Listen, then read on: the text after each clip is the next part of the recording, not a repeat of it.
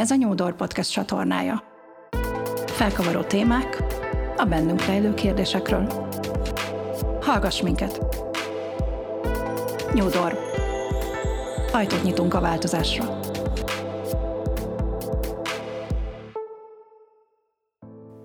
Mi az őszinteség?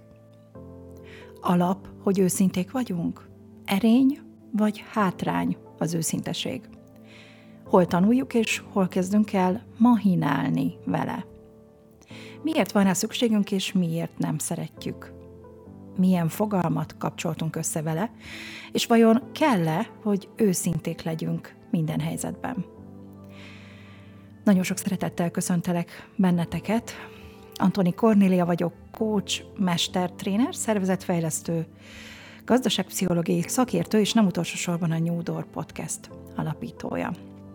A karantéma adásaiban többnyire vendégekkel beszélgetek, és csak ritkán érzem úgy, hogy egyedül üljek a mikrofon elé.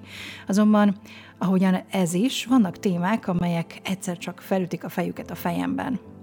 Nem kell persze, hogy történjen valami konkrét dolog velem, hogy úgy érezzem, a téma megír egy adást, Elég, ha csak szembe jön velem egy szó, egy elejtett mondat, egy fotó, vagy egy emlék, ami rámutat, hogy hát erről bizony beszélnem kell nektek. Ma az őszinteség lesz a téma.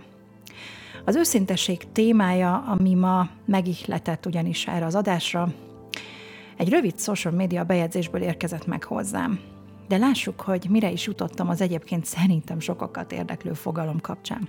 Mint oly sokszor, most is egyébként konkrétan utána néztem, hogy mit jelent a szótár szerint a szó, hogy őszinteség.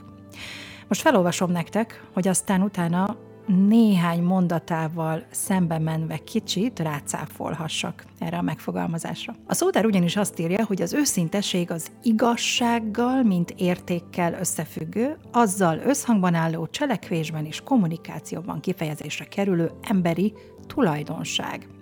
Ide sorolható minden, ennek a feltételnek megfelelő emberi megnyilvánulás, a hallgatás épp úgy, mint a beszéd.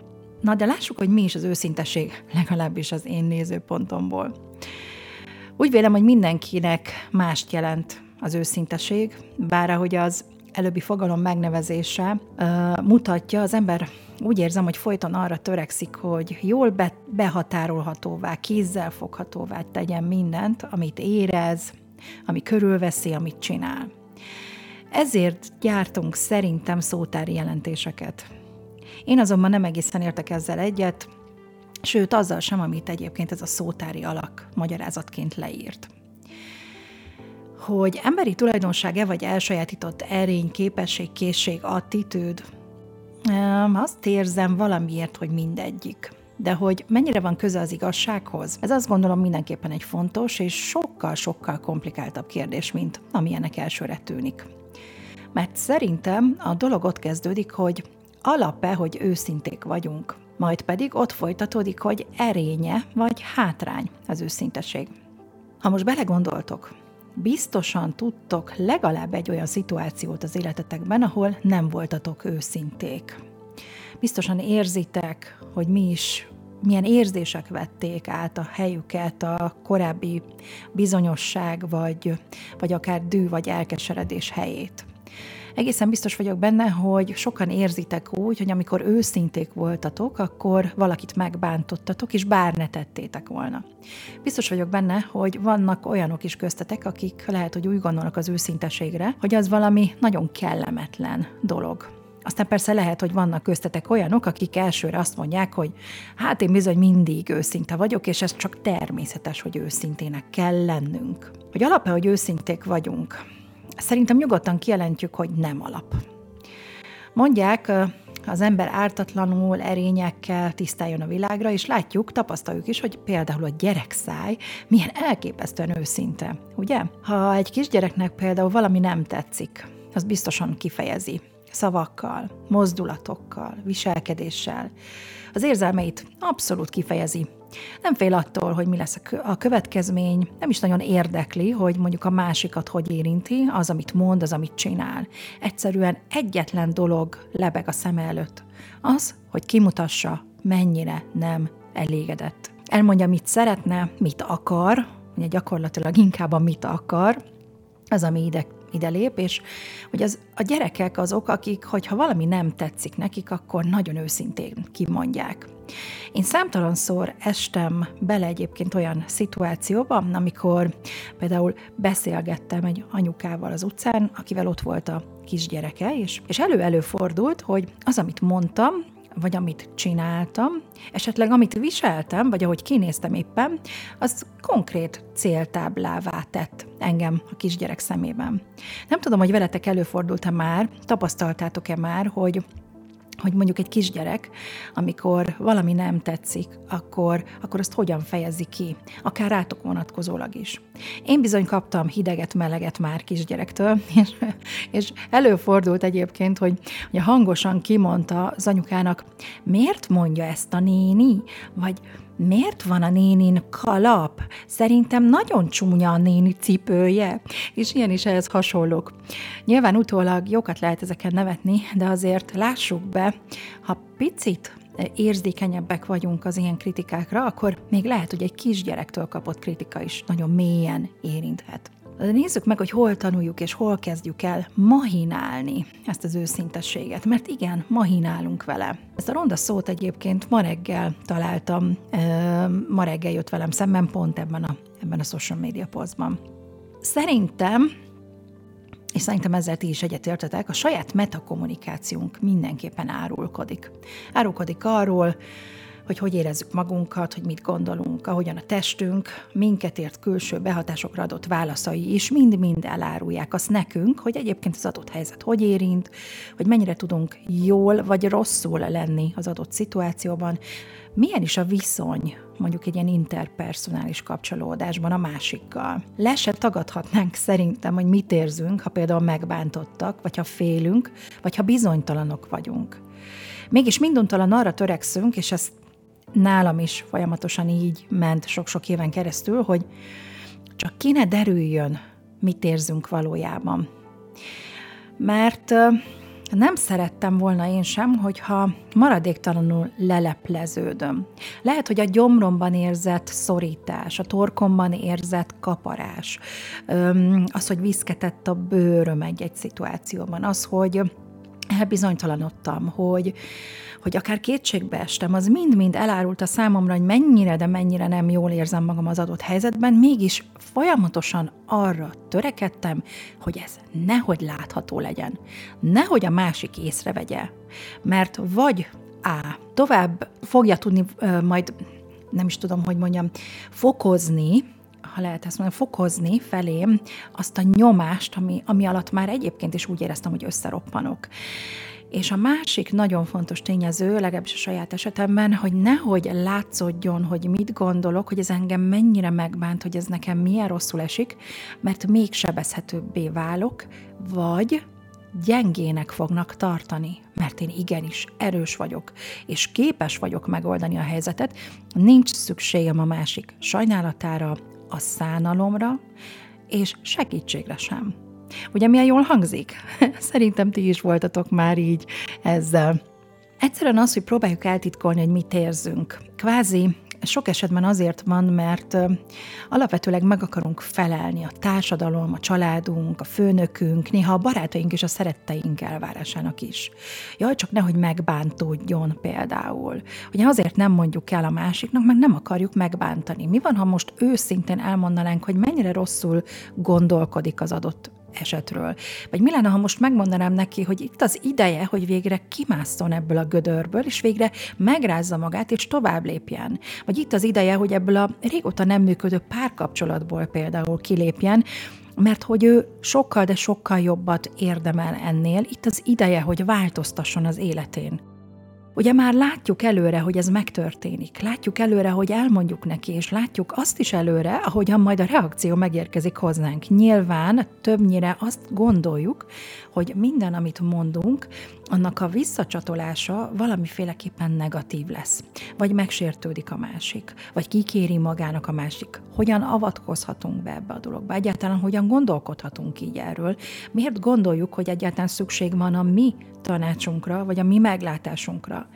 Vagy lehet, hogy akár hátat fordít nekünk, és ott hagy bennünket ezzel, és természetesen mit fogunk elérni, azt semmiképpen, hogy segítve őt, lássuk, ahogyan tényleg kimászik a gödörből, ahogy tényleg hátat fordít ennek a kapcsolatnak, ahogy tényleg megváltoztatja az életét, hanem lehet, hogy dacból csak azért is benne marad.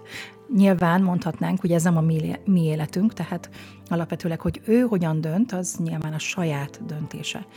De mégiscsak rosszul esik, hogy ha olyan valakivel szemben látjuk ezt, akit szeretünk, aki fontos a számunkra, akinek tényleg segítenénk.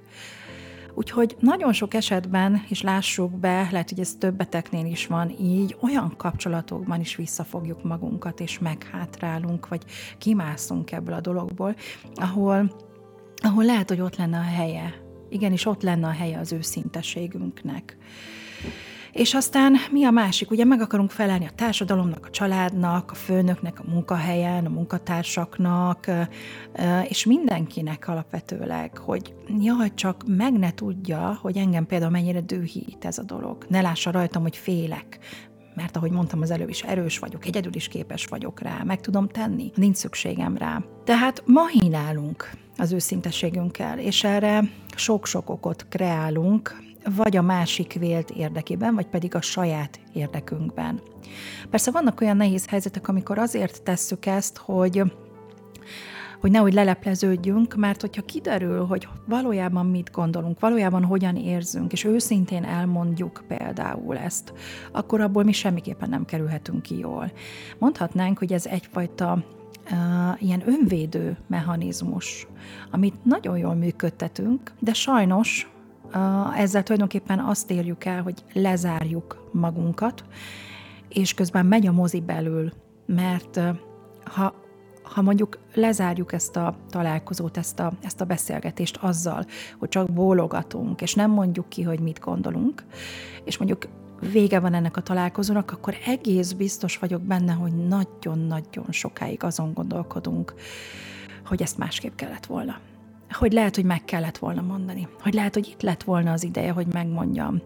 Mert hiába gondoljuk azt, hogy rendben, ezt most megúsztuk. Rendben, most megvédtük magunkat. Rendben, nem borítottam az asztalt a főnökömre, megmaradt az állásom. Jaj, de nagyszerű, csak ugyanakkor nagyon rosszul érzem magam ezen a munkahelyen. Rendben, nem mondtam meg a páromnak, hogy mennyire idegesít. Továbbra is együtt vagyunk, de tulajdonképpen nagyon régóta nem érzem jól magam ebben a kapcsolatban.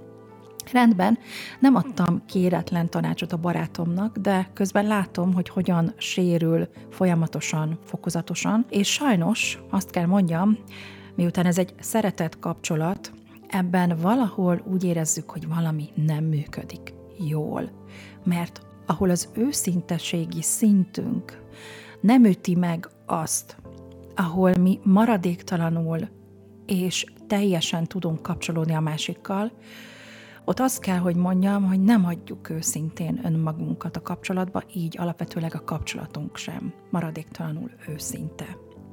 De nézzük meg, hogy milyen fogalmakat kapcsolunk össze az őszinteséggel, mert hogy nagyon sokféle fogalmunk van, amivel összekapcsoljuk. Én most három példát hoztam nektek. Vannak például, akiknek az őszintesség az egyenességet jelenti. Ugye a gerincesség, a becsületesség, a megbízhatóság. Ez általában egyébként az idősebb generáció attitűd csomagja. Transgenerációs mintáikban ugyanis mélyen beleívódott a szüleiktől tanult becsületesség, tisztesség, ahol nem fér bele, ha hazudunk, ha becsapjuk a másikat. Ennek azonban úgy gondolom történelmi szintű, vallással is hittel összefüggő gyökerei is vannak. Ha hazudok, például az Isten látja. Ha becstelen vagyok, az kiderül idővel, és büntetést kapok. Gyerekkoromban ide vonatkozó mondás például a hazug embert előbb utolérik, mint a sánta kutyát. Hú, mennyire nem szerettem. Önismereti utamon én is felismertem, az ebben a közmondásban számomra rejtő alattomos, és hát azt gondolom lappangó fenyegetést, ahogy felidézem a kislányt önmagamban, aki voltam, aki még azt sem merte eltitkolni a szüleitől például, hogy egy cukorkával többet vett ki a tálból, mint az például megengedett volt. Ugye milyen elképesztő, hogy ha visszagondolunk gyerekkorunk történéseire, hogy légy egyenes, légy gerinces, légy becsületes, nem szabad hazudni, akkor valahol mindig ezt a fajta fenyegetettséget érezzük. Azt érezzük, hogy te jó ég, nekünk nem szabad őszintétlennek lennünk, nekünk meg kell mondanunk az igazat. De ugye az igazmondás, ahogyan azt a legelején, talán a fogalomban említettem is, a szótári alakban ott volt, hogy az igazságossággal volt összefüggésben, az mennyire nem biztos, hogy magát a maradéktalan őszintéséget jelenti? Lehet, hogy a kettő nem is teljesen ugyanaz. Nekem érzésre valahogy nem. De vannak például, és ez a második példám, akiknek az őszinteség, a nyíltságot, a szabatosságot, akár a megbotránkozást keltő kitárulkozást, és hát talán a dabuk nélküliséget jelenti.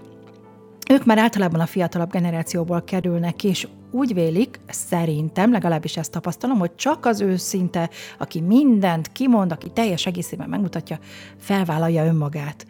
Tőlük hallunk néha akár kegyetlenségnek tűnő kritikákat, hiszen ha megkérdezik őket például, hogy mondd el őszintén, mit gondolsz, miről, kiről, mik a gondolataid, akkor Hát szerintem sokan nem kertelnek közülük, mert szerintem úgy vélik, hogy csak az őszinte tényleg, aki felvállalja a véleményét őszintén, merik kimondani, akkor is, ha például az a másikat megbántja.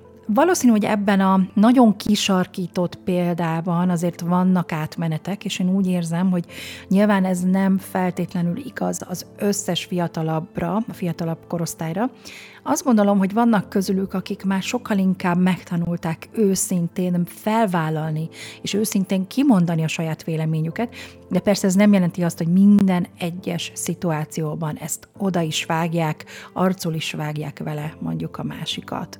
Azt gondolom, hogy azért tényleg itt vannak, vannak színátmenetek. És akkor nézzük meg a harmadikat. Azok például, akik az őszintességet a hitelességgel kapcsolják össze, hó, elkezdtem rá rezonálni, ez talán az én egyik legfontosabb példám lesz, ezek általában fontosnak tartják, hogy a munkájukban a tökéletességre, a szakmai precizitásra, igényességre, az elszámoltathatóságra és a magas minőségre törekedjenek. Hát én magam is erre törekedtem nagyon-nagyon sok éven keresztül, és még mindig nyomokban tartalmazok ebből a példából, azt gondolom, napi szinten jó sokat. Ezek az emberek, és akkor mondhatnám akár én is, munkájukban, hivatásukban elhivatottak, elkötelezettek, de hát pontosan ezért többnyire túl is vállalják magukat, hiszen ott van a hitrendszerükben egyébként az, hogy a legjobbnak kell lennem. Ugyanis csak akkor hiszik el magukról, hogy jók abban, amit csinálnak, ha végzettségeket végzettségekre halmoznak. Nekem is rengeteg végzettségem van. Mert azt gondolják, hogy ettől válnak hitelessé majd mások szemében. Nagyon sok éven keresztül gondoltam azt, hogy bár alapvetőleg a gyakorlat általában megelőzte magát a tanulmányt az én esetemben, tehát már jóval korábban foglalkoztam emberekkel, mint ahogy arra egyébként titulust vagy papírt szereztem volna, és már jóval korábban elkezdtem akár tanácsadással, coachinggal, tréninggel foglalkozni, mint ahogy egyébként magát a végzettséget megszereztem hozzá, de természetesen mindig bennem volt egy egyértelmű törekvés arra, hogy én csak akkor csinálhatom ezt hivatásosan, hogyha ehhez megvan a kellő végzettségem. Ezért folyamatosan mentem egyetemre, tanfolyamokra, képzésekre, és elképesztő, hogy mennyire jó, jó volt egyébként ezeken a képzéseken ott lenni, de alapvetőleg ha őszinte akarok lenni hozzátok és magamhoz, hiszen most az őszintesség a téma, akkor nagyon sok esetben éreztem azt, hogy maga a tanulmány a tudás tekintetében nem adott annyit, amennyiért én mentem, hiszen új tudásra többnyire nem vagy csak nagyon szerényen tettem szert, a legtöbb helyen azonban az a tapasztalás, ami megérkezett, a másokkal való kapcsolódás, amit átélhettem, és egyáltalán maga az érzés, hogy része vagyok egy olyan egyetemi közegnek, amihez mindig is tartozni szerettem volna, azt gondolom ez volt az igazi nyerességem.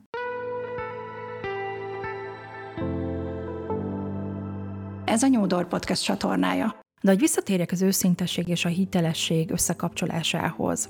Nagyon sok olyan szakembert ismerek saját szakmai pályafutásom során, nagyon sok olyan szakemberrel kapcsolódtam össze, akár kollegiálisan, akár, akár versenyben, akiknek nagyon hasonló hitrendszereik vannak vagy voltak a múltban. Nagyon sokan érezzük azt ugyanis, hogy nekünk be kell bizonyítanunk azt, hogy elég jók vagyunk, hogy bennünk meg lehet bízni, hogy ránk lehet bízni egy cég fejlesztését, ránk lehet bízni egy vezető fejlődését, ránk lehet bízni olyan nehézségek megoldását, vagy azokban való támogatást, amelyek mondjuk egy coaching folyamatban érkeznek el hozzánk, Hát e, ezekhez a dolgokhoz mi valahogy az ügyfél bizalmát, a mi saját hitelességünkön keresztül próbáljuk meg kivívni, és bizony ezzel azt gondolom, hogy nagyon sokunknak dolga van, és nekem is dolgom van. Zárójelet nyitnék itt, pont a tegnapi napon hallgattam meg Tomek Noémi Örömvilág podcast adását, amelyben Noémi egyébként az impostor szindrómáról beszélt. Az ott felsorolt öt impostor szindróma példa mindegyikéhez tudtam kapcsolódni, de leginkább ehhez a hitelesség témájához. Éppen ezért gondoltam, hogy akár ide most behozom ezt is, és, és arra biztatlak benneteket, hogy a téma kapcsán tényleg hallgassátok meg Noémi podcastjét is, mert elképesztően fontos dolgokat mond arról, hogy, hogy mennyire hátráltad bennünket az, amikor nem érezzük magunkat eléggé hitelesnek. Na de térjünk vissza ide most az őszintesség témánkhoz. Szükségünk van-e az őszintességre? Ha az elmondott három persze nem a teljeség igényével említett példánál maradunk, akkor függen attól, hogy melyikhez tartozónak érezzük magunkat, a válaszunk természetesen más és más. Ami miatt nem szeretjük viszont, az őszintességet, az a, az a bennünk általa kiváltott érzések, érzelmek. Uh, nyilvánvalóan az őszintességgel adott vagy kapott pozitív visszacsatolás mindenkinek jól esik. Annak is, aki adja, hisz őszintén ez a véleménye, ugye most itt az őszinte pozitív visszacsatolásról beszélünk, és annak is, aki kapja, mert pozitív visszajelzést, megerősítést, támogatást, dicséretet kapni, igenis jó. Akár belátjuk, akár nem. Más kérdés, hogy mennyire tudjuk ezt elfogadni, hogy mennyire érezzük, hogy érdemesek vagyunk a pozitív visszacsatolásra. Erről is lehetne jó hosszan beszélni, de menjünk tovább. Azt gondolom, hogy gyerekként más-más úton, módon tanuljuk meg az elismerést. Van, akit folyton dicsértek a szülei, hát én nem sok ilyen embert ismerek, van, aki soha nem kapott viszont elismerő szavakat otthon. Ilyenből is szerencsére kevesebb van, mert azt gondolom a legtöbben talán úgy vagyunk, hogy kaptunk is, de talán nem annyit, amennyire szükségünk lett volna éppen ott, azokban a helyzetekben, és talán nem annyit, hogy mára olyan felnőttekként éljük az életünket, hogy tökéletesen tisztában legyünk a saját értékeinkkel. A két véglet között persze milliónyi árnyalat húzódik, de az, aki mindig megkapta például, az biztosan megtanulta magát is szeretni, és nagy valószínűséggel tudja is a módját, hogy hogyan ismerjen el másokat. Ugyanakkor meg lehet, hogyha például az, aki folyton dicsértek gyerekkorában, például őt csalódás éri, akkor, akkor nem nagyon tud ezzel mit kezdeni. Nehézséget okoz számára az őszintén negatív visszajelzés, és egyszerűen lehet, hogy lefagy. Erről egyébként Noém is beszél a saját impostor szindrómás podcastjében. Az pedig, aki akit szinte soha nem is dicsértek a szülei, bár lehet, hogy képes mások elismerésére, és azt gondolom, hogy ők ö, mindig igyekeznek is másokat támogatni, másoknak pozitív véleményt adni, pozitív visszacs- visszacsatolást adni. Ezeknek az embereknek azonban az önbizalma, az önbecsülése egészen biztosan sérült. Szükségünk van az őszintességre, bármennyire is nem szeretjük néha, hiszen szerintem része a világnézetünknek, része az önbecsülésünknek, a reális önképünk kialakulásának, és ugyanakkor az, hogy hogyan éljük meg, amikor őszintén beszélnek velünk, vagy nekünk kell őszintének lennünk, vagy mit kezdünk egyáltalán az őszintességgel, ha kívülről érkezik, és hogyan harmonizáljuk a gondolatainkat, azt, amit valójában gondolunk a cselekvéseinkkel, amit aztán utána meg is mutatunk, hát ez nem egy egyszerű feladat. Éppen ezért nagyon fontos kérdés, hogy vajon kell-e, hogy őszinték legyünk minden helyzetben. Tudjuk, hogy vannak társadalmi normák, munkahelyi szabályok, szociális kapcsolataink sikerességét is sok-sok ilyen írott és iratlan szabály befolyásolja. Éppen ezért, ha törekszünk is az őszintességre, véleményem szerint tudnunk kell jól gazdálkodni a kifejezésével, illetve annak kifejezésére vonatkozó képességeinkkel, készségeinkkel. Ha mondjuk például egy barátunk kéri a tanácsunkat, nyilván függően a kapcsolatunk érettségétől és őszintességi szintjétől, amit már az előbb is mondta, elmondhatjuk neki általában, hogy mi mit gondolunk a helyzetről. De vajon jó-e, ha maradéktalanul megosztjuk vele minden gondolatunkat? Félhetünk, hogy megbántjuk, ha beavatjuk, hogy mondjuk mit gondolnak róla mások. Vagy például, ha tudomásunkra jut, hogy, hogy a párja megcsalja. Jó kis dilemma ez az utóbbi. Én magam is megtapasztaltam egyébként néhány évvel ezelőtt ezt, és uh, uh, én annak idején azonban úgy döntöttem, hogy ez nem rám tartozik, ezért csendben maradtam. Ahogy az adás elején felolvasott szótári jegyzet is írja, a hallgatás épp úgy őszinteség, mint a kommunikáció vagy a cselekvés. Mégis miért van az, hogy a mai napig úgy érzem, nem úgy kellett volna tennem, ahogy annak idején. Meg kellett volna mondanom neki, így talán megkímélhettem volna, hogy sok-sok év szenvedésétől, a, amit egyébként amellett a férfi mellett kellett megéljen, aki végül aztán sok évvel később meg elhagyta. Vannak olyan szituációk, amikor dilemmáink vannak az őszintességgel. És én azt gondolom, hogy lehetünk őszinték úgy is, hogyha nem mondunk ki mindent, amit kimondhatnánk éppen. Sok olyan helyzetben voltam már, amikor azt éreztem, illetve inkább így fogalmaznék, ahol, ahol megéreztem, hogy meddig mehetek el. Mennyire van, mennyire áll készen a másik, a kapott üzenet, vagy a, vagy a rajtam keresztül átjövő üzenet meghallgatására. Ez lehet, hogy egyfajta képesség, hogy picit talán beleérzünk a másik helyzetébe. De szerintem talán úgy is gyakorolhatjuk, hogyha megpróbáljuk elképzelni, hogy hogy mi mit szólnánk, hogyha az ő helyében lennénk. Vajon mi mit éreznénk az ő helyében? Vajon minket hogy érintene, hogyha, hogyha valakitől megtudnánk maradéktalanul az igazságot? Vagy ha olyan kritikát kapnánk mi, ami ennek az átadására éppen készülünk. Én nagyon sokszor arra bíztatok mindenkit, hogy mielőtt egy fontos vagy általa fontosnak vélt dologról beszélne a másikkal, ami nem róla szól, hanem a másikról szól. Azt először mindig gondolja át, hogy milyen tartalommal és milyen mélységében fogja majd átadni a másiknak.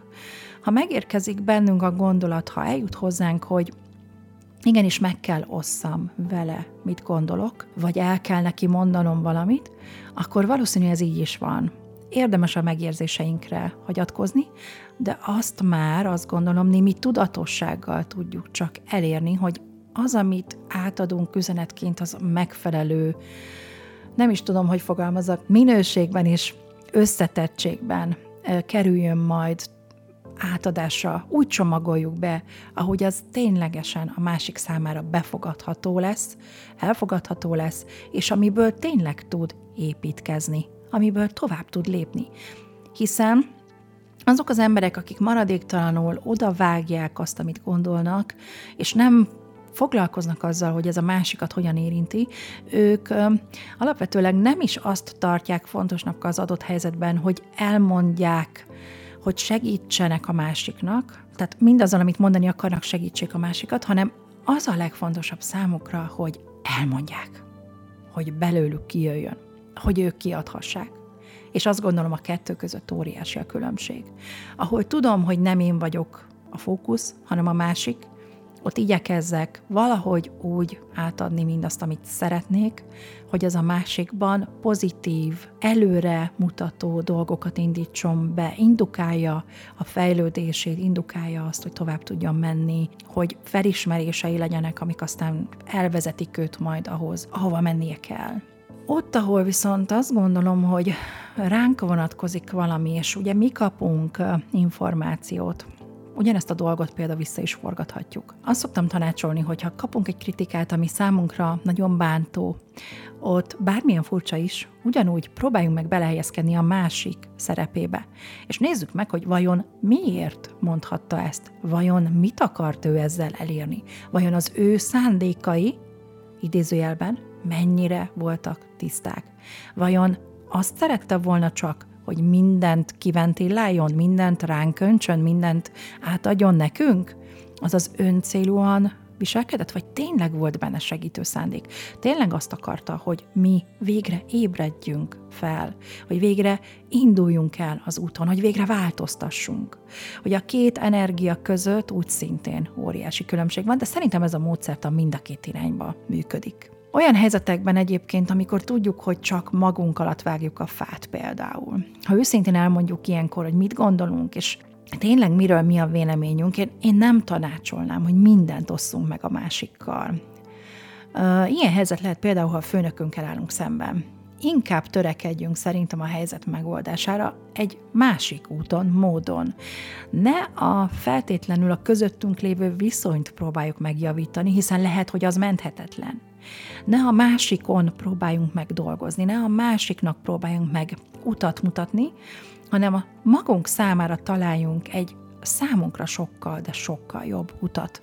Keresünk például nagyon egyszerűen ilyen helyzetben egy jobb állást, egy másik munkahelyet, egy olyan főnököt, akinek szívesen dolgozunk, aki megért bennünket, aki támogat, és aki, aki coach szemléletű vezetőként bevon bennünket akár a fejlődésbe bevon bennünket akár közös munkába. Mert azt gondolom, hogy ha saját magunk számára próbálunk meg kiutat találni, tényleg magunknak keressük a jót, akkor az, az, az sokkal inkább nekünk hoz majd nyerességet, mint magának a helyzetnek, vagy mondjuk a másiknak, ebben az esetben mondjuk az éppen ránk kiabáló főnöknek. Persze azért azt nem mondom, hogy nem jó érzés beolvasni mondjuk egy például egy exit interjún, ahol kifejezetten arra kérnek bennünket, hogy mondjuk el, mi nem volt jó, miért megyünk el, miért választunk, vagy váltunk munkahelyet.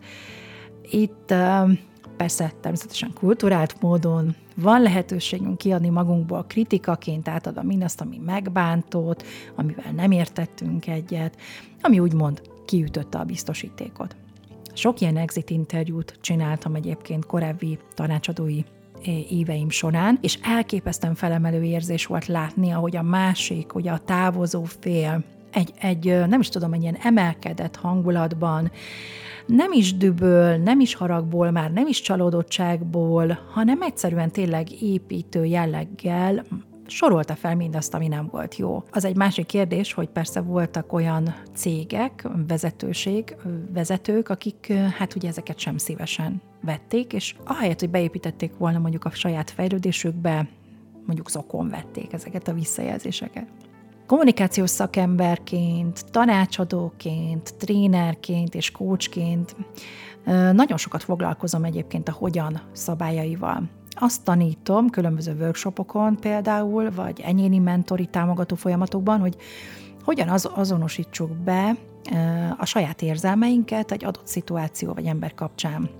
Mm, azt is megpróbál megmutatni, hogy ezeket a beazonosított érzelmeket hogyan kezeljük önmagunkban, és hogyan fejezzük ki szándékunkat, vagy érzéseinket az adott helyzetre, vagy illetőre vonatkozóan, hogy semmi, sem pedig a másik ember, vagy maga a helyzet se sérüljön, azaz úgy jöjjünk ki ebből az egészből, ahogy az mindenki számára nyereséget hoz. Természetes, hogy minden érzelmünkhöz, érzésünkhöz jogunk van. Nem az a cél ugyanis, hogy ezeket elfolytsuk magunkban. Vagy mondjuk úgy adjuk ki, hogy a másikat megbántsuk, dűvel, haraggal, lendülettel. És akár magunkat például rosszabb helyzetbe sodorjuk, mint amiből egyébként indultunk. Én abszolút azt gondolom, hogy a win-win győztes-győztes állapot eléréséhez megvannak a megfelelő technikák, tippek, tanácsok, amikre szerintem érdemes is odafigyelni, amiket érdemes megtanulni, elsajátítani, és persze használni, mert ugye akkor lesznek igazán jók, akkor lesz értelmük, hogyha ezeket használjuk is. Az önismeret és a személyiségfejlődés híveként és most már mondhatom gyakorlójaként is, évek óta tanítom, hogy hogyan ápoljuk szociális kapcsolatainkat, mi az asszertív és erőszakmentes kommunikáció, milyen személyiségtípusok vannak, és hogyan lehet például megtalálni a hangot mindegyikükkel, még azzal a kiabáló főnökkel is, akivel egyébként azt gondoljuk most, hogy napi szinten nem tudunk, illetve akár olyan párkapcsolatunkkal, párunkkal, akivel ma azt gondoljuk, hogy, hogy egyszerűen nem tudunk zöldágra bergődni. Sokféle aspektus van még az őszintességnek, és sokat, sokféle szempontból tudnék még beszélni róla, de azt gondolom, hogy ennyi fért ebbe a mai adásba. Remélem találtatok számatokra is érdekes, változásra serkentő információkat, és mától azt is remélem, hogy másként tekintetek az őszinteség témájára, mint eddig. Ha benneteket is érdekel, hogy, hogy hogyan válhattok saját életetek őszinte, ugyanakkor hatékony kommunikátorává, akkor keressétek a hamarosan induló Kapcsolódj programomat, amit eh, egyébként személyesen Budapesten fogok tartani majd a tavasszal. Ha pedig volna véleményetek, kérdésetek az adás kapcsán, akár témajavaslatotok, vagy úgy érzitek, van olyan vágyatok, hogy szívesen kapcsolódnátok velem személyesen is, akkor írjatok nekem az antoni.corneliakukac link www.newdor.hu e-mail címre, illetve látogassatok el a Newdor weboldalára, kövessétek a social media felületeimet, osszátok meg kommentben a saját érzéseiteket, gondolataitokat, és lájkoljátok és osszátok meg a bejegyzéseket és a tartalmakat, és hálával köszönöm, ha követitek a Karantéma csatornáját a Spotify-on, a YouTube-on, vagy az elérhető podcast alkalmazások bármelyikében. A kérdező önismereti kártyacsomagomat pedig megtaláljátok a webshopon keresztül, és köszönöm nektek, hogyha a kártyalapokon szereplő kérdésekről készülő videókat péntekenként követitek, megnézitek a YouTube-on, illetve hogyha véleményeitekkel, visszajelzéseitekkel segítetek nekem, hogy a Nyúdor tartalmak és a podcast csatorna is növekedhessen, az üzenetek pedig egyre több emberhez eljuthassanak. Hálás szívvel ölellek benneteket, nyissunk együtt ajtót a változásra. Sziasztok!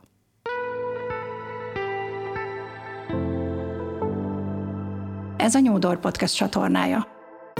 Felkavaró témák a bennünk rejlő kérdésekről. Hallgass minket! Nyúdor. Ajtót nyitunk a változásra.